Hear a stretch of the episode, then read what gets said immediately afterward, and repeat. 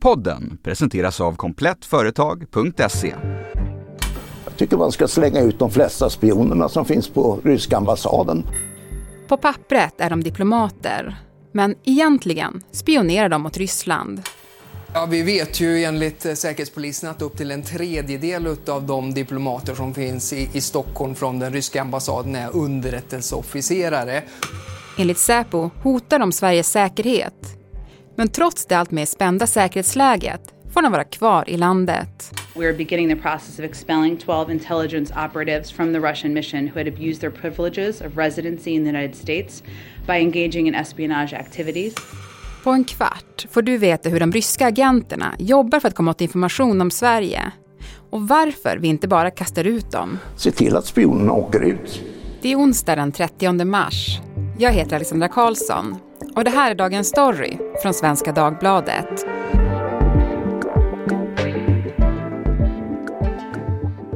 Janni Sallinen, granskande reporter här på Svenska Dagbladet. Du, de här ryska diplomaterna, vad sysslar de med egentligen? De är ju, jobbar ju på ambassaden i Stockholm och eh, de är så kallade eh, underrättelseofficerare som Säpo har pekat ut och de säger då att var tredje eh, ambassadanställd är en sån underrättelseofficer. Mm. Det här blev egentligen känt 2015 för varje år så producerar ju Säkerhetspolisen en så kallad årsbok. Det är egentligen en årsberättelse. Det här har vi gjort, kolla vad coola vi är här och så vidare. Man, man berättar om sin, sin, verksamhet. 2015 var man ju särskilt coola kan man säga därför att mm. då visade man en bild på en sån här rysk underrättelseofficer som var i Almedalen sommaren 2014. Så man kan ju se, det är en bild som är tagen bakifrån, det är en solig dag.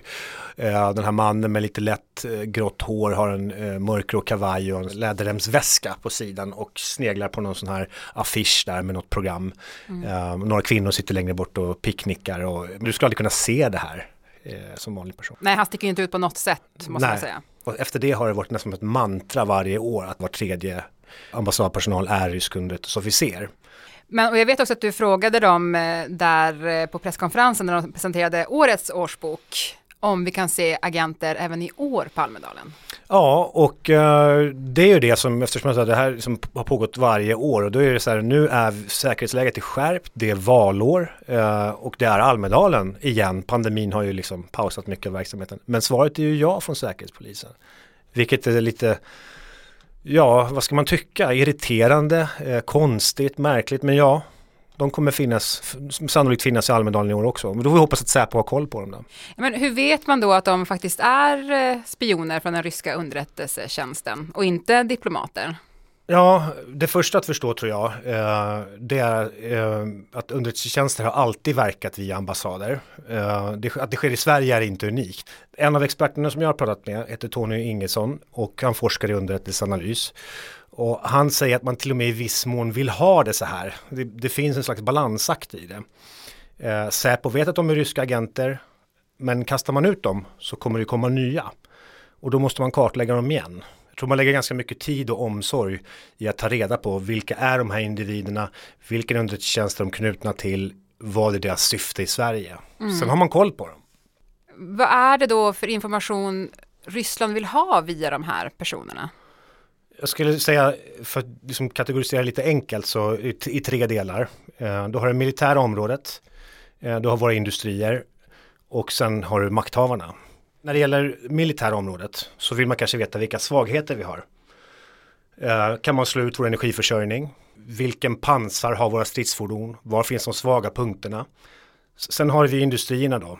Volvo, Scania, eh, försvarsindustrin och sådär och hitta personer där. Och sen givetvis då eh, makthavare. Alltså påverkan, hitta personer eh, att jobba sig upp emot. Februari 2019. Solen har just gått ner och vinden blåser lätt över Hötorget i centrala Stockholm. På håll ser spanarna hur två män möts på torget och hur den ene ger den andra en liten svart plastpåse. Mannen som tar emot påsen har spanarna haft koll på i ett och ett halvt år. Han är 47 år, bor på västkusten och arbetar som konsult åt Scania och Volvo Cars.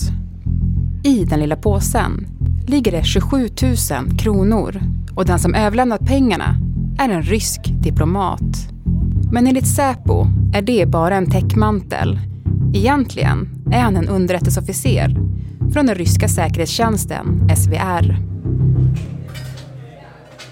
De två männen tar följe till restaurang Kristall på Kungsgatan och sätter sig för att äta middag. Då slår Säkerhetspolisen till.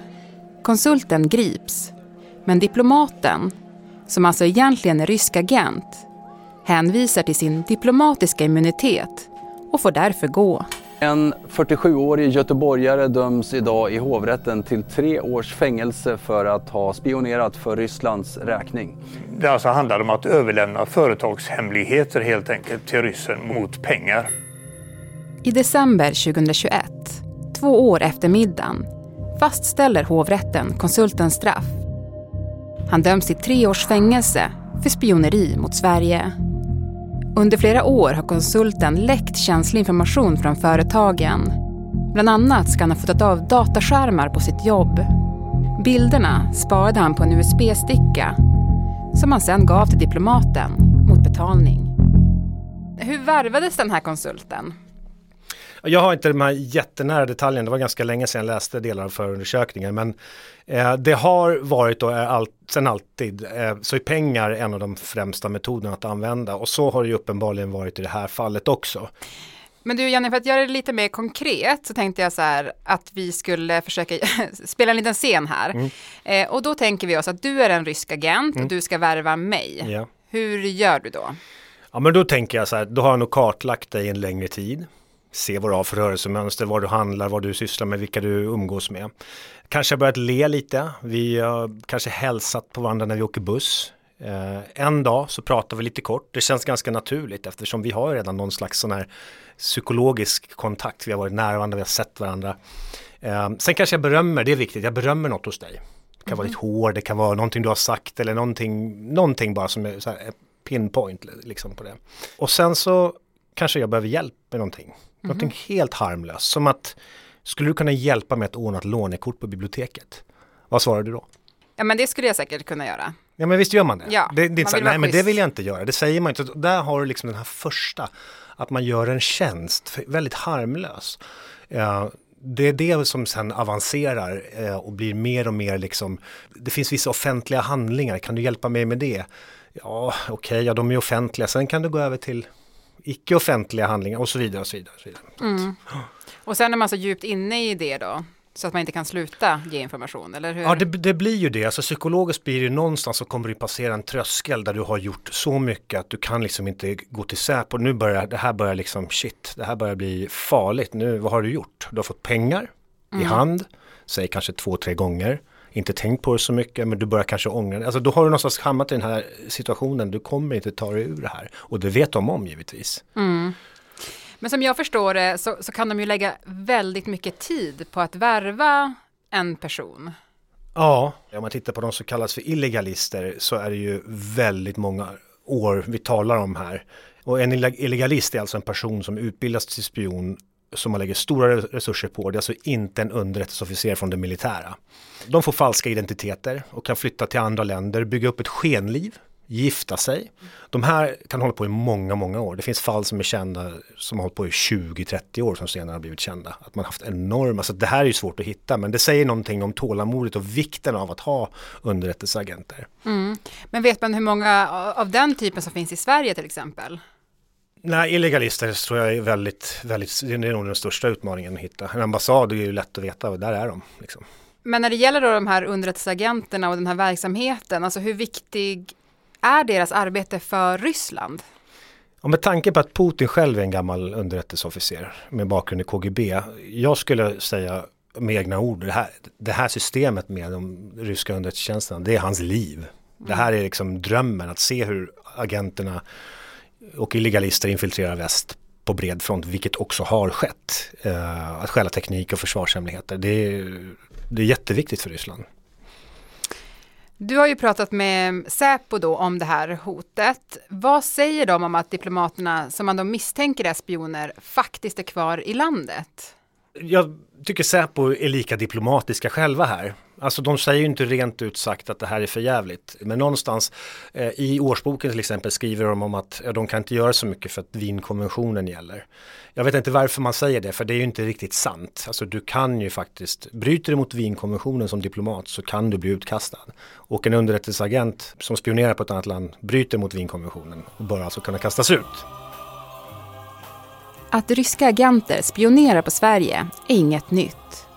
Under 60-talet hade Säpo en spionkarta där man satte en knappnål vid varje iakttagelse av spioneri.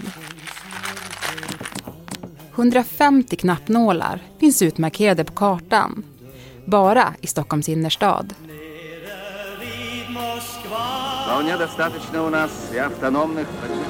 Sovjetunionen.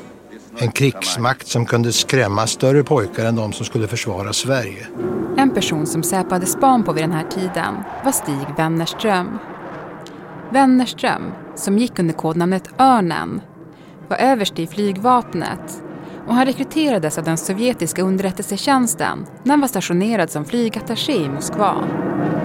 Den största spioneriaffären i Sverige efter kriget kommer i dagen efter att Säkerhetspolisen haft överste Wennerström under bevakning under ett helt år. Det har väckt uppseende att överste Wennerströms spionageverksamhet pågått i 15 år. Den svenska regeringen tycks ha blivit relativt sent underrättad om vad som höll på att ske. Han grips i juni 1963. Säpo har då värvat Wennerströms hemhjälp som agent och fick på så vis reda på att han gömt filmrullar på sin vind som innehöll hemliga dokument om Sveriges försvar. Tillbaka till nutid. Sedan Ryssland invaderade Ukraina har över 80 ryska diplomater kastats ut ur EU och USA. Polen har utvisat så många som 45 stycken. Well, Poland booting 45 Russian diplomats out of the country. Polish officials say the ambassadors are actually Russian intelligence officers using their status to cover as spies. Men Sverige har ännu inte utvisat någon. M, KD, SD och C vill utvisa diplomater som jobbar som spioner under täckmantel vid exempelvis ryska ambassaden. Även om en diplomat enligt Wienkonventionen har immunitet så kan regeringen besluta att den ska förklaras som persona non grata, alltså en icke önskvärd person. Och diplomaten tvingas då lämna landet. Det man kan tro är att de ska gripas. Nu ser vi att den här snubben spionerar, han griper vi. Men så är det inte riktigt. Det man istället gör det är att man, låt säga att du har en sektor inom rymdindustrin i Sverige till exempel. Då kommer Säpo att kontakta de personerna. Ni är förmodligen en rekryteringsbas för de ryska underrättelseagenterna. Vi vill förvarna er. Och på det här sättet kan man skapa dubbelspioner om man är lite finurlig. Mm. Ja, det sa Säpo till mig också under presskonferensen att vi vill inte gripa spioner på löpande band. För på det sättet så får ju Säpo också information om vad ryssarna är intresserade av. Och den här frågan, alltså om de här diplomaterna ska vara kvar eller inte, det landar ju på eh, utrikesdepartementet. Mm. Vad, vad säger de om att de får vara kvar? Ett problem som man ska ha klart för sig med UD är att de väldigt sällan svarar på journalisters frågor. Och jag vill säga det här därför att det är kruxigt att jobba med dem. Och jag vet inte varför de har så svårt att svara på vissa enkla frågor. Men de hänvisar till eh, ett uttalande som gjordes av Ann Linde tidigare eh, i riksdagen. Bland annat då om att eh, man ska agera gemensamt med EU och så vidare. Och så vidare. Så det är egentligen inga detaljerade svar. Men underrättelseofficerare är inget nytt på ambassader. Så trixet här är att Säpo har lagt stor omsorg också tid på att kartlägga vilka de är. Men jag får samtidigt känslan av att Säpo vill inte ha alla här. Alltså någon, de poängterar tydligt med den här mannen till exempel i Almedalen 2014. Som knatar omkring där i sin grå kavaj på sommaren. Ja, det är en rysk underrättelseofficerare. Det kanske kommer nya nu i år. Vill Säpo att de ska vara där? Ja, för Ann Linde refererar till att det ska vara något gemensamt inom EU, men vi har ju sett att andra länder inom EU faktiskt har kastat ut ryska diplomater nu som man menar då arbetat under täckmantel. Mm. Eh, tror du Sverige också kommer gå den vägen? Det är en intressant knäckfråga och det kan också bli pinsamt att ingen i Sverige agerar när vi vet som Säpo säger att de här personerna sysslar med en verksamhet som hotar Sverige. Det är ju ett problem. Jag skulle vilja säga att nu när tröskeln har höjts um, och uh, säkerhetshotet är definitivt allvarligare till och med än under kalla kriget så misstänker jag att det faktiskt börjar hända saker på den fronten också. Markeringar om inte annat. Men till sist eh, Janni då, hur säkra kan vi vara på att Säpo faktiskt har koll på de här personerna? Ja, det är precis. När man går på presskonferenser som Årsboken, då säger de givetvis att de har örnkoll. Att säga någonting annat, att stå och säga att de inte har koll, det kan de ju inte göra. Men jag misstänker att de har bra koll på de här som är på eh, ambassaden givetvis. Men sen ska man komma ihåg att de ryska underrättelsetjänsterna totalt eh, i Ryssland och deras olika grenar anställer över 400 000 personer. Då är de här illegalisterna som vi pratar om, de är ju inte medräknade hur många de nu är för att de finns ju inte i några offentliga dokument eller så. Så jag är tveksam till att de vet om allt som Ryssland gör i Sverige. Tack Janni Sallinen för att du var med i Dagens Story. Tack. Se framför dig en riktigt bra webbshop för IT-produkter och kontorsutrustning för ditt företag. Se framför dig att vid behov få personlig och snabb expertservice utan att behöva handla för flera miljoner kronor per år. Se nu framför dig Komplett Företag, din partner inom IT-produkter och kontorsutrustning online Gör som många andra och testa fördelarna hos komplettföretag.se. Välkommen!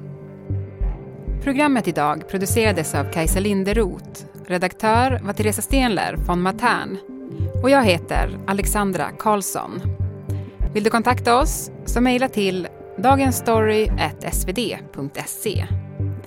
Klippen i programmet kom från Expressen, TV4, CBS, SVT News Nation, Spion i kallt krig och låten En natt i Moskva av Jan Höjland.